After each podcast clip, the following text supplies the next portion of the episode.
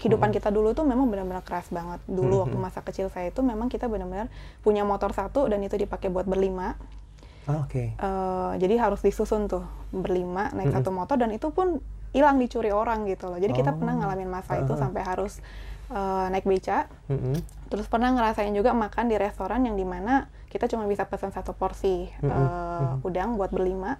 Itu sampai yang sampai hari ini saya eh, ingat banget dan masih kadang-kadang setiap kali saya makan di restoran itu saya harus pesan udang itu gitu sampai hari ini. Kenapa? Nggak boleh Karena nangis ya. Iya. Karena kadang-kadang sampai yang eh, si papa tuh suka bilang eh, papa udangnya aja gitu. Eh masa kepalanya aja, da- Mm-mm, dagingnya mm-mm. buat eh, anak-anak gitu kan. Oke. Jadi sampai hari ini yang kejadian itu yang nggak pernah lupa sih. Jadi terus kita lihat eh, lihat gimana eh, papa tuh berjuang dengan sangat keras ya. Dari dari waktu pas masa dia eh, su- eh, masih perintis. Mhm. Jadi itu yang membuat saya tuh ngerasa, oh ya, papa aja bisa nih kayak gitu, Hmm. ya kan? Papa aja sekuat itu, masa iya sih saya harus eh, mengeluh dengan keadaan yang yang saya alamin gitu. Bincang bersama Halo, apa kabar Sobat Listeners? Ketemu lagi bersama saya Daril Adam Kali ini di podcast Bincang Bersama. Dan seperti yang mungkin sudah Anda saksikan di edisi-edisi berikutnya Kita akan mengulas sosok sukses di balik sebuah pelaku bisnis Atau seorang pelaku bisnis dan juga bisnis yang dihasilkan. Nah, tapi kali ini kita akan coba ajak Anda untuk lebih memahami tentang esensi dari parenting ya. Apa hubungannya antara podcast kita kali ini bisnis dan juga parenting Jadi gini Sobat Listeners Banyak orang tua yang melarang putra-putrinya melakukan banyak hal ketika masa kecil dengan harapan tidak terjadi sesuatu hal yang tidak diinginkan untuk keselamatan fisik atau uh, putra-putrinya tersebut. Tetapi dengan pemahaman yang bagus mengenai sisi parenting yang dipahami secara maksimal oleh orang tua, banyak orang tua yang juga melihat keberhasilan dari putra-putrinya ketika mereka dewasa, termasuk dari apa yang dilakukan bisa kok diolah menjadi sebuah usaha atau bisnis. Nah, hari ini kita akan bahas lebih lanjut bersama dengan seorang uh, pelaku bisnis yang dari kecil dia udah suka banget melakukan banyak hal yang berhubungan dengan aktivitas kes- kesehariannya. Tapi saya nggak tahu nih apakah orang tuanya melarang atau bagaimana. Yuk kita lihat sisi lain dari seorang Novita Chandra. Halo Mbak Novi, apa kabar? Halo. Saya so tahu ya kesannya. Gimana bener nggak sih? Apa tuh yang benar? Orang tua itu kebanyakan kan ngelarang banyak hal ya terhadap Hmm. putra putrinya dengan alasan ah jangan jangan sampai kayak begini nanti begini nanti Hmm. begini gitu loh sehingga ketakutan itu membuat anak tuh tergerak untuk ya udah nurut aja deh Mm-mm. setuju nggak Eh, setuju. setuju setujunya pakai mikir Setuju Ah, gini, setuju. soalnya kenapa kenapa eh, ya kalau misalkan waktu pas masa kecilnya mungkin ya setuju, tapi kan Mm-mm. begitu kita eh, growing up, terus begitu kita memang menunjukkan bahwasanya apa yang kita lakukan itu tidak merugikan diri kita sendiri dan orang lain, oke bahkan mungkin bisa bermanfaat untuk orang banyak, Mm-mm. ya mungkin mereka akan lama-lama eh, menyadari ya, oh, oh ya oke, Oke. eh, nggak ada masalah gitu. Mm-mm. Terjadi nggak di masa kecilnya Mbak Novi? Eh, honestly iya. ah tuh bener kan? Tapi sebenarnya eh, saya bersyukur sih karena eh, apa yang terjadi di masa kecil saya itu justru yang membentuk saya hari ini. oke. Banyak hal yang eh, terjadi di masa kecil saya, di masa-masa sulit eh, waktu dari kecil sampai eh, perjalanan lah ya, itu yang membentuk saya hari ini, menjadikan diri saya hari ini dengan cara saya berpikir hari ini, oke. yaitu semua berkat dari masa kecil yang memang pernah saya lalui. Eh cerita dong gimana caranya? Kok Oke, bisa gitu loh kecil-kecil dari- banyak larangan tiba-tiba gedenya jadi sukses sebenarnya bukan punya banyak se- sebenarnya bukan banyak larangan sih jadi sebenarnya Oke. lebih ke eh, papa tuh tipenya satu eh, saya nggak boleh dibolehin nangis Oh nggak boleh nangis. jadi kalau Oke. misalkan anak kecil itu kan wajar nangis ya Hmm, hmm, tapi kalau dulu papa tuh ngajarin selalu nggak boleh nangis Mhm. bahkan saya ingat banget ketika memang saya mau nangis saya harus ke toilet dulu untuk nangis setelah selesai saya harus kembali di depan dia dengan nggak ada apa-apa Oke gitu oke. yang kedua dia selalu bilang "Eh, nggak ada yang nggak bisa Mhm, mhm. yang ada tuh nggak mau. Jadi kalau misalkan, oke. eh, jadi nggak boleh bilang nggak bisa. Mhm, mhm. Jadi harus bisa semuanya. Oke. Nah itu yang diajarin sih. Jadi masa-masa kalau boleh cerita masa kecil ya eh, masa kecil saya penuh warna. Mhm. Penuh warnanya artinya eh, saya melakukan banyak hal yang mungkin anak kecil lain tidak lakukan. Oke. Jadi ketika memang uh, harusnya main dan lain-lain saya tidak saya tidak um, punya waktu main karena pulang dari sekolah dari TK usia 4 tahun itu saya udah harus langsung jaga toko Oh. oke. jaga toko toko kecil toko kecil doang waktu itu sampai karena seringnya jaga toko setiap hari jadi akhirnya saya hafal barang saya hafal harga tujuh setengah tahun itu saya ingat banget waktu zaman sebelum kerusuhan tahun 98 Mhm. itu saya udah punya toko sendiri di usia tujuh setengah tahun Oh karena memang base-nya memahami harga dan juga memahami detail harga produk dan ya. produk. Jadi Oke. akhirnya papa bukain toko sendiri untuk saya jaga sendiri gitu Wow, keren, tahun 98 keren, keren. itu. Ya udah berjalan kayak gitu eh, setiap setiap setiap hari hidup saya adalah eh, sekolah toko. Sekolah toko sampai eh, SMP kelas 3 itu eh, saya dibukain satu toko yang agak jauh Oke. lokasinya Mhm. dan itu saya harus pulang sekolah jam 1 itu saya akan jaga toko sampai jam 10 malam. Tunggu, jam 1 pulang sekolah jaga Sebenarnya toko pulang sampai sekolah jam, jam 12 sih. sampai cuman- jam 10 malam jaganya. Ya, sebenarnya pulang sekolah jam 12, cuma kan makan, Mm-mm, terus mm-mm. eh, ganti baju dan lain-lain, saya berangkat ke toko, jadi toko itu buka jam 1, Mm-mm, tutup mm-mm. jam 10 malam, Mhm. baru pulang ke rumah. Oke. Dan dari situ baru, ya karena karena masih sekolah juga, jadi akhirnya saya, eh, kalau ditanya ngerjain PR-nya kapan, belajarnya Mm-mm, kapan, ngerjain PR-nya adalah pagi-pagi sebelum Mhm. jam masuk sekolah, Mm-mm. belajarnya adalah ketika masa sekolah. Jadi jam 7 sampai Ah. jam 12 itu adalah apa pun yang guru ngomong saya akan mencerna dengan baik, mendengar dengan baik, mem- memanfaatkan waktunya untuk baca. Jadi even nih waktunya istirahat itu ya saya akan makan sambil uh, belajar gitu. Mm-mm, Mungkin boleh di highlight juga tadi saya cerita sebelum uh, on cam mm-mm. uh, tetap ranking. Jadi itu yang satu yang Wih, saya banggakan. Jadi keren. meskipun uh, saya harus bertanggung jawab atas toko di Mhm. usia yang Mhm. masih sekolah, saya tetap masih bisa ranking tiga besar.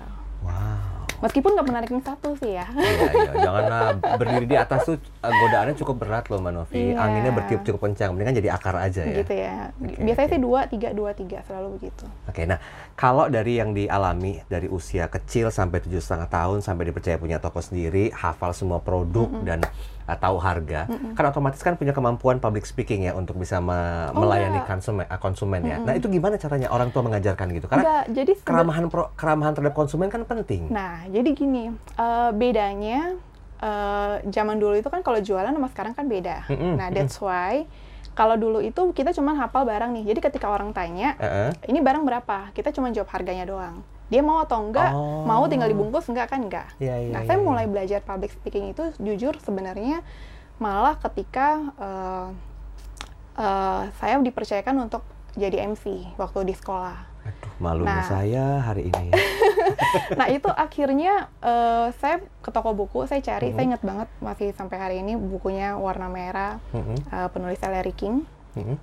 nah eh, buku itulah yang akhirnya eh, membuat saya pertama kalinya saya belajar bagaimana caranya saya bisa bicara di depan umum gitu Oh gitu papa nggak ngajarin ya? Enggak, enggak ngajarin. oke. Terus, Papa tuh cuman ngajarin bisnisnya aja sebenarnya Mhm. waktu itu. Jadi banyak hal yang saya pelajarin dari buku.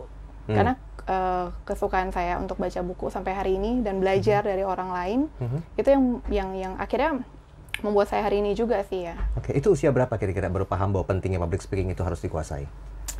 Waktu ya itu waktu SMP itu kan saya aktif SMP. banget di sekolah kan. Mm-mm, Jadi selain memang eh, di toko saya juga di sekolah itu lumayan saya OSIS juga, saya pas. Libra juga. Mhm. Terus beberapa acara saya juga eh, aktif buat ngisi juga kan. Oke, Jadi di sana karena saya ngerasa skillnya saya butuh, saya akan Mhm. eh, cari di buku. Beberapa pesan yang saya dapat dari dari menit-menit pertama Mm-mm. Mbak Novita Chandra ini sampaikan adalah orang tua mengajarkan kesilpi- kedisiplinan, nggak Mm-mm. boleh nangis, terus tidak boleh mengenal kata tidak bisa ya. Mm-mm. Kemudian juga eh, mengajarkan bagaimana untuk mentreat orang. Secara nggak langsung kan itu kan diajarkan gitu ya, tahu harganya. Kemudian juga mau apa enggak kalau mau bungkus ambil transaksi selesai gitu ya kan. Dari situ tuh mulai terpikir gimana caranya ini saya mampu mandiri dengan hal itu. Berkaca dari statement awal tadi, nggak boleh nangis. Kalau sedih ya udah ditahan aja sampai harus pergi ke kamar mandi, terus balik lagi dengan keadaan sudah sudah smile. Nah, dari yang di- dirasakan sama Mbak Novi, eh, terbawa nggak sih itu sehingga saat ini udah punya 10 bisnis? Hmm. Awalnya tuh gimana kira-kira? Based on karakter yang ditanamkan sama orang tua. Eh, jadi sebenarnya papa tuh lebih ke eh, keras ya, karena kehidupan kita dulu tuh memang benar-benar keras banget. Dulu waktu masa kecil saya itu memang kita benar-benar punya motor satu dan itu dipakai buat berlima. Ah, Oke. Eh, jadi harus disusun tuh berlima naik satu motor dan itu pun hilang dicuri orang gitu loh. Jadi kita Oh. pernah ngalamin masa itu Uh-huh. sampai harus uh, naik beca. Mm-mm. Terus pernah ngerasain juga makan di restoran yang di mana kita cuma bisa pesan satu porsi Mm-mm. uh, udang buat berlima. Mm-mm. Itu sampai yang sampai hari ini saya uh, ingat banget dan masih kadang-kadang setiap kali saya makan di restoran itu saya harus pesan udang itu gitu sampai hari ini. Kenapa? Nggak boleh Karena nangis ya. Iya. Karena kadang-kadang sampai yang eh, si papa tuh suka bilang eh, papa udangnya aja gitu. Eh masa kepalanya aja, da- Mm-mm, dagingnya buat eh, anak-anak gitu kan. Oke. Jadi sampai hari ini yang kejadian itu yang nggak pernah lupa sih. Jadi terus kita lihat eh, lihat gimana eh, papa tuh berjuang dengan sangat keras ya dari dari waktu pas masa dia su- eh, masih perintis Mhm. Jadi itu yang membuat saya tuh ngerasa oh ya papa aja bisa nih kayak gitu Hmm. ya kan papa aja sekuat itu masa iya sih saya harus uh, mengeluh dengan keadaan yang yang saya alamin gitu Mhm. nah kita anak-anaknya juga uh, saya paling seneng ketika uh, papa ngajak itu untuk ikut kirim barang Oke. jadi kenapa? dulu kan ngirim barang kan sendiri kan pakai Mm-mm. mobil kenapa karena itulah waktu saya bisa punya waktu sama uh, papa Oh, kadang oke. kalau enggak eh, bisa sama sekali saya satu harian itu saya nggak ketemu sama beliau Mhm, karena kan beliau kan aktif buat sales kan. Mhm, mhm.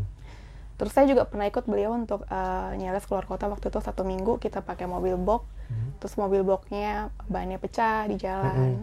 Terus pernah juga eh, ngerasain tidur di losmen yang tahu-tahu ada kecoa pas mandi gitu-gitu tuh Mhm. pernah saya lewatin semua.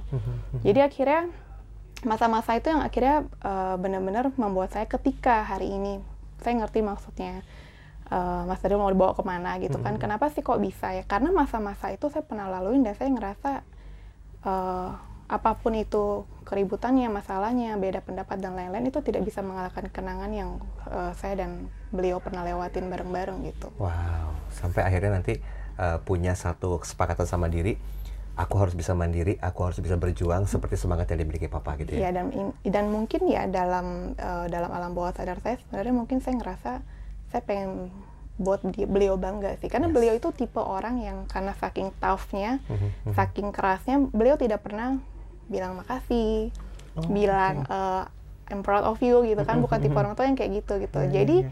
mungkin eh, Novi kecil ini tuh yang melakukan semua hal itu untuk mendapatkan kata-kata itu dulu gitu loh. Jadi nggak kayak zaman sekarang ya. Kalau nggak ke zaman sekarang kan nggak ya, Iya. parenting kan udah bener-bener Betul. eh, orang tua tuh harus ngomong apa, ngomong apa itu kan semua ada ya. Kalau zaman dulu dikit kan dibeli nggak. mobil, ranking sedikit Oh dikasih iya smartphone benar mahal benar. gitu Ulang ya. tahun dikasih Iya. tablet gitu ya. Dulu mah nggak nggak gitu-gitu banget ya Mbak Novi ya. Nggak, nggak ada. Oke, nggak kita ada. beralih ke chapter kehidupanmu yang berikutnya ya. Sudah beranjak remaja dan dewasa, kapan kira-kira mulai tertarik untuk menggeluti dunia bisnis based on uh, pencapaiannya papa yang begitu semangat? Sebenarnya tertarik bisnis itu dari awal juga udah tertarik sih. Jadi memang dari awal itu nggak kepikir mau jadi dokter, Mm-mm. jadi eh, yang lain-lain itu udah nggak. Karena memang karena saking jiwanya dari awal udah di bisnis, memang pengennya bisnis. Cuman eh, lebih kepengen bisnis ini harus bisa jadi profesional. Jadi dulu kan memang toko banget kan ya. Mm-mm. Nah, eh 2016 saya bikin toko itu jadinya PT, makanya sekarang SDI, Studio Duta International. Mhm. Nah, itu eh, sistemnya, manajemennya dan lain-lain Mhm. itu semua sekarang udah profesional. Hmm. Jadi bukan lagi toko gitu. Oke, itu bergerak di bidang apa, Mbak Novi? Jadi SDI itu eh, bergeraknya di sekarang kita itu supplier pelengkapan produk akuarium. Oh, produk akuarium. produk akuarium. Jadi kita punya Mhm. 12 brand antaranya kayak Risen, Takari, Hikari, Armada. Itu Mhm. Yang mungkin kadang-kadang kalau misalkan uh, Mas Daryl di rumah punya akuarium, Punya, cek punya. mesinnya gitu Mhm. kan itu merek apa. Nah, mungkin itu salah satu produk SDI. Aduh, saya nggak mau nyebut brand, nih, tapi nanti aja gitu ya. Tapi yang Takari itu ya kebanyakan memang dipakai untuk publik ya, untuk konsumsi makanan ikan segala macam. ya. Nah itu beda lagi kalau Oh, beda. pakan ikan itu sebenarnya punyanya produknya Caropopan karena kita agennya beliau Oh, mereka juga oke, sih. Oke, oke. Nah, Nah. ngomong-ngomong ikan ini sendiri hobi kecil nggak? Hobinya Mbak Novi dari kecil sih? Nah, itu banyak yang nanya. Jadi, saking karena udah dari kecil ngelihatnya ikan, Mm-mm, sebenarnya mm-mm. kalau sekarang sih nggak ter- terlalu interest sama ikannya ya. Oke, oke. Jadi makanya kenapa di SDI sendiri juga sebenarnya yang masih benar-benar aktif buat ngurusin ikan karena si papa sekarang lagi main arwana dia lagi senang arwana karena yang suka ikan itu sebenarnya dia. Oke. Jadi saya lebih ke manajemen hall manajemennya. Jadi dari segi uh, finance-nya, operasionalnya, warehouse-nya, logistiknya, HR-nya, sales-nya, uh, jadi lebih ke uh, pengaturan manajemennya. Nah, Oke. kemampuan yang di sana lah yang akhirnya ketika ada kesempatan uh, opportunity gitu kan, Mhm. terus kemu, kemu- kemu- kemu- apa, kemudian dari network yang ada, Mhm. akhirnya baru saya bisa bangun bisnis-bisnis yang lain dari Oke. uh, kecantikan, lalu ada food and beverage juga, lalu ada uh, palet juga, Mhm, palet mhm. kayu, lalu juga ada logistik juga. Total 10 berarti ya bisnis ya? Sebenarnya 10 itu uh, PT-nya ya. PT-nya. 10 itu PT-nya, tapi kalau bidang bisnisnya mungkin 6 ya. Oh, 6 enam. bidang bisnis. Karena ada beberapa bidang yang ada dua dua PT. Range order 1 sampai 10 mana yang paling tinggi? Untuk order. Mm-mm.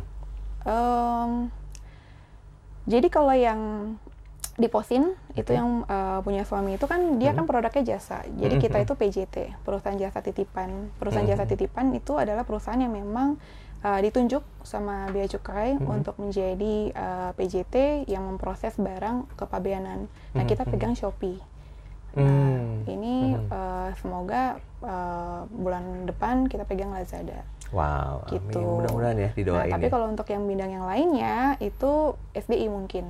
Kalau dari segi uh, besarnya yang akuarium ya. tadi. Iya, besar. Yang paling besar itu gitu Iya, ya. karena itu dari Oke. tahun 95. Nah, ini ada hubungannya nggak sih sebetulnya sebagai kontribusi reward buat papa gitu? Karena kecilnya begitu tegas, begitu disiplin, suka ikan juga, terus memberikan satu bisnis yang ini loh, Pak, gitu. Bisnis apa Ada nggak ada hubungannya nggak dengan hadirnya SDI ini yang identik dengan produk-produk akuarium Oh, dan enggak. pelengkapnya? SDI itu sebenarnya adalah uh, si toko si papa ini. Jadi benar-benar Oh, oke. uh, dari awal si toko ini Uh-huh. dari masih cuma toko ngambil Mhm, belanja barang ke mhm. orang, lalu akhirnya bisa belanja lebih besar jadi grosir, Mm-mm, mm-mm, lalu akhirnya sampai punya brand sendiri mm-mm. dan di bawah naungan SDI itu itu adalah sebenarnya perjalanan yang sama Oke, dari waktu oke. toko tahun 95 itu. Jadi sifatnya lebih melanjutkan, gitu melanjutkan, ya, melanjutkan. keberlangsungannya ya. Iya, betul. Sampai dengan dewasa itu, eh, sorry, sampai dengan remaja, eh, peran dari papa itu masih besar nggak sih, Mbak Novi? Sampai hari ini masih beliau Sampai masih hari ini? sampai beliau sampai hari ini itu masih eh, aktif karena memang eh, tipenya mungkin memang zaman dulu punya orang kan sampai beliau pernah ngomong kayak gini kalau kalau kalau bisa diem itu kalau dia udah beliau udah meninggal gitu loh. Mm-mm, jadi nggak mm. bisa disuruh diem sebenarnya. Jadi sampai hari ini beliau masih sangat eh, aktif untuk bagian produk. Jadi beliau yang akan eh, develop produknya Mm-mm. beliau yang akan eh, cari untuk eh, produknya Mhm. memastikan kualitas produknya dan lain-lain. Tapi untuk whole manajemennya eh, itu udah dipercayakan. Oke, Mbak Novi, eh, kita balik ke masa kehidupan pribadinya Mm-mm. Mbak Novi ya, walaupun sudah lepas dari bisnis yang 10 ini yang tinggal running Mm-mm, begitu saja, manajemennya juga oke, Amin. dari apa yang di- eh, diserap ya dari dari suksesnya Papa mendidik Mm-mm. seorang Mbak Novi.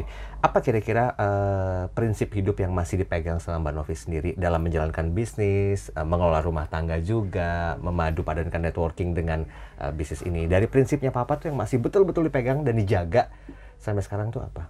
Dari prinsip apa Hmm, ya jujur pasti masih ke bawah ya. Jadi sampai hari ini meskipun saya uh, sudah mempelajari banyak parenting dan lain-lain, bahwasanya menangis itu baik-baik saja, boleh saja.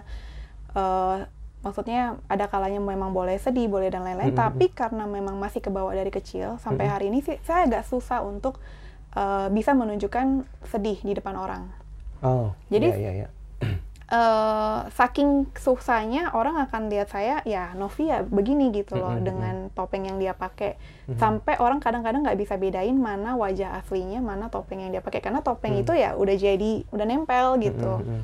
itu sih jadi kadang-kadang eh, itu yang masih ke bawah sampai hari ini untuk eh, ketegarannya itu ya Hmm. sampai kadang-kadang orang bilang mungkin saking tegarnya itu dipikir kadang-kadang mungkin kayak nggak punya perasaan ya kadang-kadang Iya, ya iya. Baru saya mau bilang ya, bagaimana caranya terkesan tidak punya perasaan itu, tapi ternyata aslinya ya perempuan kan halus perasaannya ya. Iya. Iya, eh, diomelin sedikit istilahnya tuh bener-bener dalam terus nggak bisa lepas dari ekspresi yang ada sedihnya kelihatan tapi mbak Novi nggak nggak seperti itu gitu loh mm-mm. kan kayaknya topeng banget ya Ya mungkin karena udah dari kecil ya, udah dari kecil dan terbiasa. itu sudah terbiasa dan itu juga sudah dilakuin uh, berulang-ulang terus. Iya, Makanya iya, lama-lama iya. topeng itu jadi kayak Wajah ibaratnya asli. Spiderman kan taunya ya Spiderman mukanya begitu. Betul, Ketika dia betul. nggak nggak aja pakai baju Spiderman ya Hmm. dia akan jadi uh, orang lain kan, bukan Spiderman kan. Gitu. sorry saya masuk ke kehidupan pribadi mbak Novi sedikit aja suami tahu tentang hal ini tahu. tahu dan bagaimana respon suami Hmm, nggak ada masalah sih, justru mungkin dia pilih saya jadi istri karena saya begitu.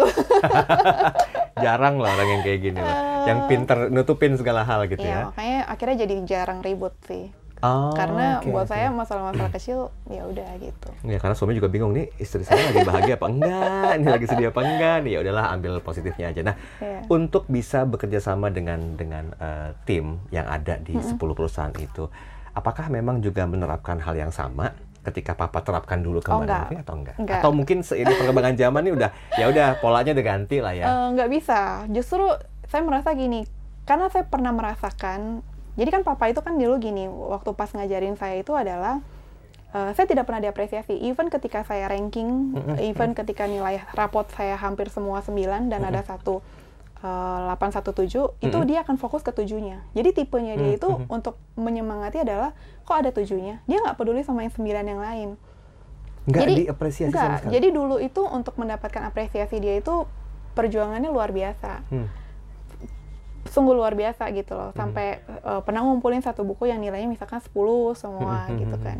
Tapi memang untuk dapat eh, apa ucapan I'm proud of you atau eh, saya bangga sama kamu itu kayaknya susah banget dari mulut dia. Nah, saya juga dulu pernah eh, pagi saya harus udah jaga toko ya kan. Ini waktu pas udah lulus sekolah, Hmm, pagi jaga toko, ngurusin bank juga, nyales juga sendiri, ngirim Hmm. barang juga sendiri. Saya pernah eh, lakuin semuanya. Malam juga saya masih bongkar kontainer waktu itu. Wow. Jadi selesai jam 2 jam 3 pagi, besok paginya saya begitu lagi. Ketika ada salah barang nih, salah Hmm. loading barang, itu saya akan tetap diteriakin di depan karyawan semua. Aduh. Nah, ketika itu sedih dong. Mm-mm. Terus ngerasanya gila ya, gue nangis." udah sampai begini, kaki jadi kaki, kaki jadi kepala, kepala jadi kaki gitu. Tapi kok masih begitu. Nah, tapi eh, karena eh, karena didikannya yang seperti itu justru saya makasih sih karena hari ini justru saya merasa gini. Saya nggak mau orang lain merasakan hal yang eh, sama. Hmm. Yang memang eh, saya rasain. Itu juga yang saya terapin ke anak saya sih akhirnya gitu oke.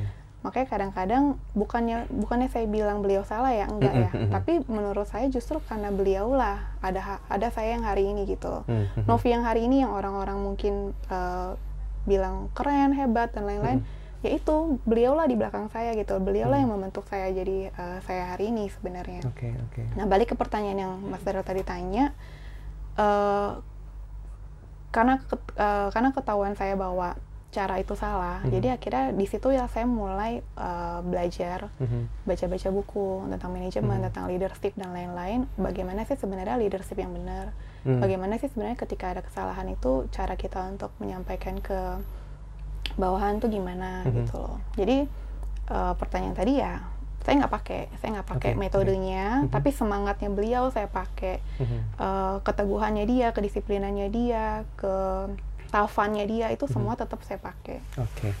Orang yang hebat adalah orang yang bisa mengotak-kotakan apa yang pernah dialami, apa yang perlu dila- dilakukan ke, ke depannya, dan juga mana yang perlu tidak. Ya, nah, Mbak Novi melakukan hal ini gitu. Jadi nggak perlu marah-marah ke karyawan, nggak usah lagi merasa paling hebat dengan tahu semuanya, terus bebas untuk memerintahkannya, tapi tahu bagaimana cara mentreatment mereka. Karena kan zaman sudah berubah ya, Mbak Novi Iya, ya. betul. Nggak kayak zaman papa dulu gitu ya. Betul. Tapi sekarang eh, ada nggak sih eh, boleh keluar air mata? Karena ini pertanyaan yang berhubungan dengan hati. Jangan banget. dong, nggak boleh. Nanti abis ini saya dimarahin. Oke, kalau seandainya pencapaian tidak pernah diberikan apresiasi, tapi saya yakin ada satu bentuk gestur dari papa itu yang intinya memberikan apresiasi atas pencapaian tertinggi dari seorang Novita Chandra. Apa kira-kira kalau masih ingat? Dan apa pesan yang di- didapat dari gestur itu? Eh, ini baru kemarin kan, kebetulan saya baru ulang tahun kemarin. Mhm, mhm. Itu pertama kalinya beliau eh, WA, via WA jadinya. Oke, oke. Dan dia bilang dia bangga sama saya. Wow. Perasaannya gimana? perasaannya ya luar biasa sih ya meskipun via WA sih ya dan setelah itu saya balas panjang lebar nggak dibalas ya sama beliau Oh, kan masih kekeh aja ya dengan keadaan iya tapi memang saya itu. tahu saya tahu beliau uh, sayang sama saya contohnya kadang-kadang uh, beliau tahu saya suka buah mangga Hmm. Jadi beliau itu akan tiba-tiba misalkan saya di ruang kerja dia bisa tiba-tiba datang bawa mangga yang udah dia potong loh Hmm. bukan mangga utuh loh dia Oke. potongin sendiri Mhm. dia bawa tapi nggak ngomong apa-apa cuman nih makan cuman gitu doang Oh. atau saya udah mau berangkat tapi saya nggak tahu dia lagi motong mangga gitu ceritanya Mhm. tapi mungkin dia tahu saya mau jalan terus Mhm. tiba-tiba eh, dia bisa yang ngejar mobil gitu udah mau Mhm. keluar bagasi Mhm, mhm. eh, garasi eh, ngasihin mangga itu gitu Hmm, hmm, hmm. tapi nggak pernah ngomong apa-apa jadi dia bukan tipe yang bisa bilang e, papa sayang sama Novi papa bangga sama Novi itu nggak Iya, pernah iya, iya. tapi saya tahu beliau eh, bangga dan beliau sayang gitu Oke, fase ketiga dalam sebuah kehidupan di chapter yang berikutnya saya mau singgung sedikit tentang kehidupan eh, apa manggilnya opa, eh, kakek atau apa terhadap cucunya, anak-anak sama Oh, Mbak Novi. kungkung, Oh, kungkung ya. Mm-mm. Berarti kakek ya, saya Mm-mm, bahasakannya kakek ya. Kakek juga menerapkan hal yang sama nggak kira-kira? enggak dong pasti Enggak. beda dong Nggak ada interupsi gitu Nggak ketika "Ah, dulu ketika kungkung sama mami begini begini begini, oh nggak gitu ya? nggak ada cuma dia suka bercanda aja Ah. suka bercandanya gini katanya "Eh, ini cucu kalau menakal-nakal mau digantung katanya cuman kan karena mungkin beda ya kalau kakek sama orang tua kan mungkin beda ya kalau Iya, iya. karena ngerasanya mungkin itu anaknya bukan anak dia gitu loh jadi kadang-kadang malah anak saya tuh deket banget sama papa Oh justru, dia tuh deket banget oke. Mhm. beliau deket mer- mereka deket banget sama-sama suka duren Mm, mm, mm, mm. sama-sama eh, suka ikan juga. Jadi Mhm. malah anak saya yang sering nemenin si papa tuh kalau pas lagi ngurusin ikan. Hmm, ini ada indikasi untuk melanjutkan tahta Ke generasi ini ke ketiga generasi ya. ketiga nggak kira-kira? Nah itu nggak tahu. Terus ngomongin generasi ini yang menarik sih menurut Gimana, saya. gimana? Kan karena saya sebagai generasi kedua, kadang-kadang ada challenge-nya adalah eh lu mah enak gitu kan, Ya. bapak lu eh, lu tinggal ngelanjutin bisnis eh, bapak lu Mhm, gitu mhm. kan, atau oh udah ada yang mesti dikerjain. Mm, mm, mm.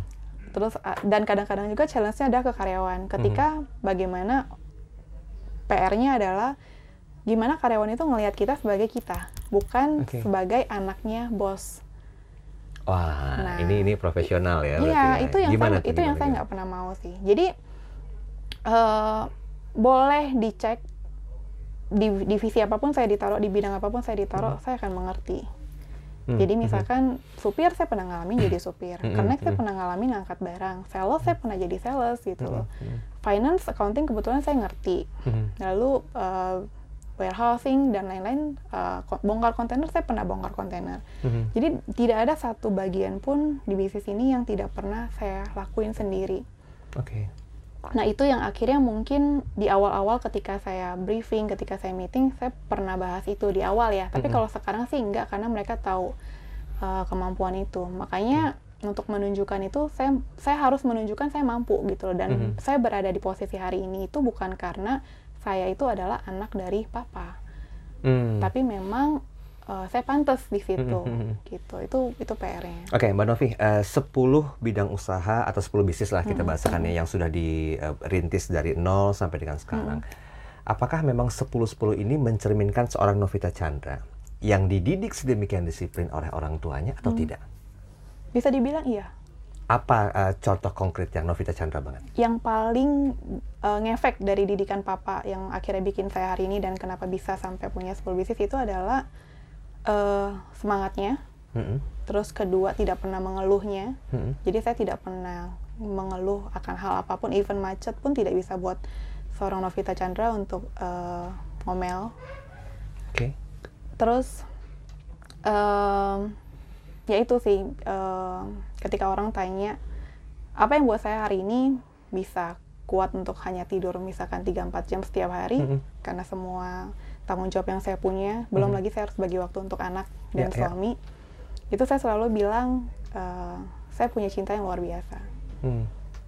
saya orang biasa, bukan siapa-siapa, tapi saya punya cinta yang luar biasa. Itu yang membuat saya hari ini uh, bisa ngelakuin semuanya. Mhm. Dan itu semangatnya tetap diturunkan kepada people yang ada di 10 perusahaan ini ya? Hmm, nggak sih, karena kalau misalkan saya turunin, mereka harus jadi robot. Oh, maksudnya jadi robot tuh? Enggak, jadi gimana? eh, jadi kalau misalkan eh yang tadi kan ditanya yang papa Mm. turunin ke saya, Mhm, mhm. ya itu yang saya yang saya dapat gitu Iya, dari iya, beliau, karena iya. beliau benar-benar sangat mendedikasikan hidupnya untuk eh, pekerjaan kan. Mhm, mhm. Nah itu yang saya dapat, tapi saya nggak bisa turunin ke staff karena staff Mm-mm. itu juga butuh waktu untuk mereka istirahat, butuh waktu untuk mereka bersama keluarga Ah, dan lain-lain oke, kan. oke. Karena kalau saya tuh bener-bener yang eh, even hari ini mau ngapain tuh saya udah udah tahu nih jadwalnya dan lain-lain. Hmm. Kalaupun saya memang nggak ada ngapa-ngapain, saya akan ngerasa itu sangat wasting time kalau saya nggak ngapa-ngapain. Jadi saya akhirnya Oke. harus mengisi entahkah saya uh, ngebuat sesuatu atau saya harus Mm-mm. baca sesuatu atau saya harus belajar sesuatu jadi nggak boleh kayak ada waktu kosong Oke. jadi kayak mau tidur siang aja nih misalkan waktunya kosong itu akan ngerasa bersalah karena papa dulu waktu kecil kita tidur tuh kayak dimarahin gitu itu ke bawah sampai sekarang sih Mhm. jadi kayak ngerasa nggak boleh tidur gitu Wow. Luar biasa. gitu Me time dirimu tuh dalam bentuk apa sih? Mbak baca Novi? buku Baca buku. Satu harian penuh bisa baca buku. bisa Manfaatnya apa? banyak dong kok ditanya baca buku manfaatnya karena apa begini setiap orang itu butuh waktu di mana dia manjakan dirinya, entah ke salon kah, entah Mm-mm. dia jogging kah, entah dia apa. Ini saya tanya tadi, me time itu apa baca buku? Satu harian, iya, manfaatnya apa? ketika saya baca saya akan masuk ke dunia yang lain jadi gini baca itu misalkan saya butuh belajar saya akan Hmm. baca buku yang memang berhubungan dengan apa yang saya cari saya mau belajar itu tapi ketika memang saya lagi pengen istirahat saya akan baca buku yang berhubungan dengan uh, soul misalkan Oh, mengganti polanya. Iya, bukunya Oke. yang diganti, bukunya Ya, yang diganti. Jadi misalkan uh, saya lagi mau cari ketenangan ya, udah saya baca buku yang memang berhubungan dengan uh, ketenangan itu. Nah, buku yang lagi saya suka banget dan saya udah baca berkali-kali, mungkin Hmm. ada 5-6 kali itu bukunya uh, Hainim Sunim. Itu adalah biksu dari Korea. Nah, itu buku itu bener-bener uh, adalah me time saya gitu loh. Mhm. Dan di situ saya benar-benar bisa ngerasa tenang Mhm. gitu. Oke, kehidupan seseorang itu tidak ditentukan oleh lingkungan sekitar, tapi ditentukan oleh bagaimana dia mampu memanage dirinya. Memang hari ini kita bicara masalah tentang eh, bagaimana seorang eh, Novita Chandra mampu bertahan dari kehidupan yang keras, didikan orang tuanya yang disiplin, yang dulunya mungkin beliau berusaha untuk memberontak dengan keadaan tapi nggak punya eh, kemampuan, sehingga diterima, di-accept hal itu. Dan ternyata itu dibawanya hingga remaja, dewasa, dan punya bisnis sampai dengan berkeluarga. Mbak Novita Chandra, boleh nggak disampaikan kepada seluruh smart listeners yang menyaksikan podcast kita hari ini, eh, pesan moral apa sih yang harus dilakukan? Walaupun kadang-kadang orang kan punya kemampuan atau kapabilitas mendidik putra-putri berbeda-beda gitu ya. Tapi kita disclaimer dulu, bukan berarti ini bisa diadopsi oleh semua orang tua. Tapi paling tidak ada lah hal positif atau hal yang menjadi key bahwa ini perlu dilakukan untuk mendisiplinkan anak dan kelak menjadi seorang yang berhasil. Silakan. Hmm, oke. Kalau mungkin apa yang saya lakuin aja kali ya. Apa yang saya lakuin ke anak saya hari ini adalah uh, saya mau dia ingat dan dia tahu kalau uh, saya sayang sama dia. Hmm. Itu yang dia nggak boleh lupa. Lalu kedua, uh, saya men- mengajari uh, dia untuk mencintai prosesnya, bukan Hmm. hasilnya. Mhm. Jadi apa pun hasilnya nanti yang saya puji, yang saya banggakan itu adalah uh, proses yang dia lakukan. Oke. Ketika misalkan dia mau belajar sesuatu, ketika dia mau uh, berusaha, ketika Hmm. dia sudah memberanikan diri melawan rasa takutnya dia itu yang uh, nilai poin plusnya sebenarnya. Mhm. Dan uh, setiap orang saya yakin unik, setiap orang punya kelebihannya masing-masing dan Mhm. kita nggak perlu jadi orang lain, kita cuma cukup jadi versi terbaik dari diri kita sendiri. Mhm. Itu sih. Oh, keren. Cukup untuk hari ini. Anda bisa saksikan tayangan ini kapan pun di mana pun, jangan lupa untuk share ya. Tapi saksikan juga masih banyak edisi-edisi yang kami ajak Anda untuk paham tentang sosok sukses dalam podcast Bincang Bersama. Saya Darul Adam, sampai jumpa.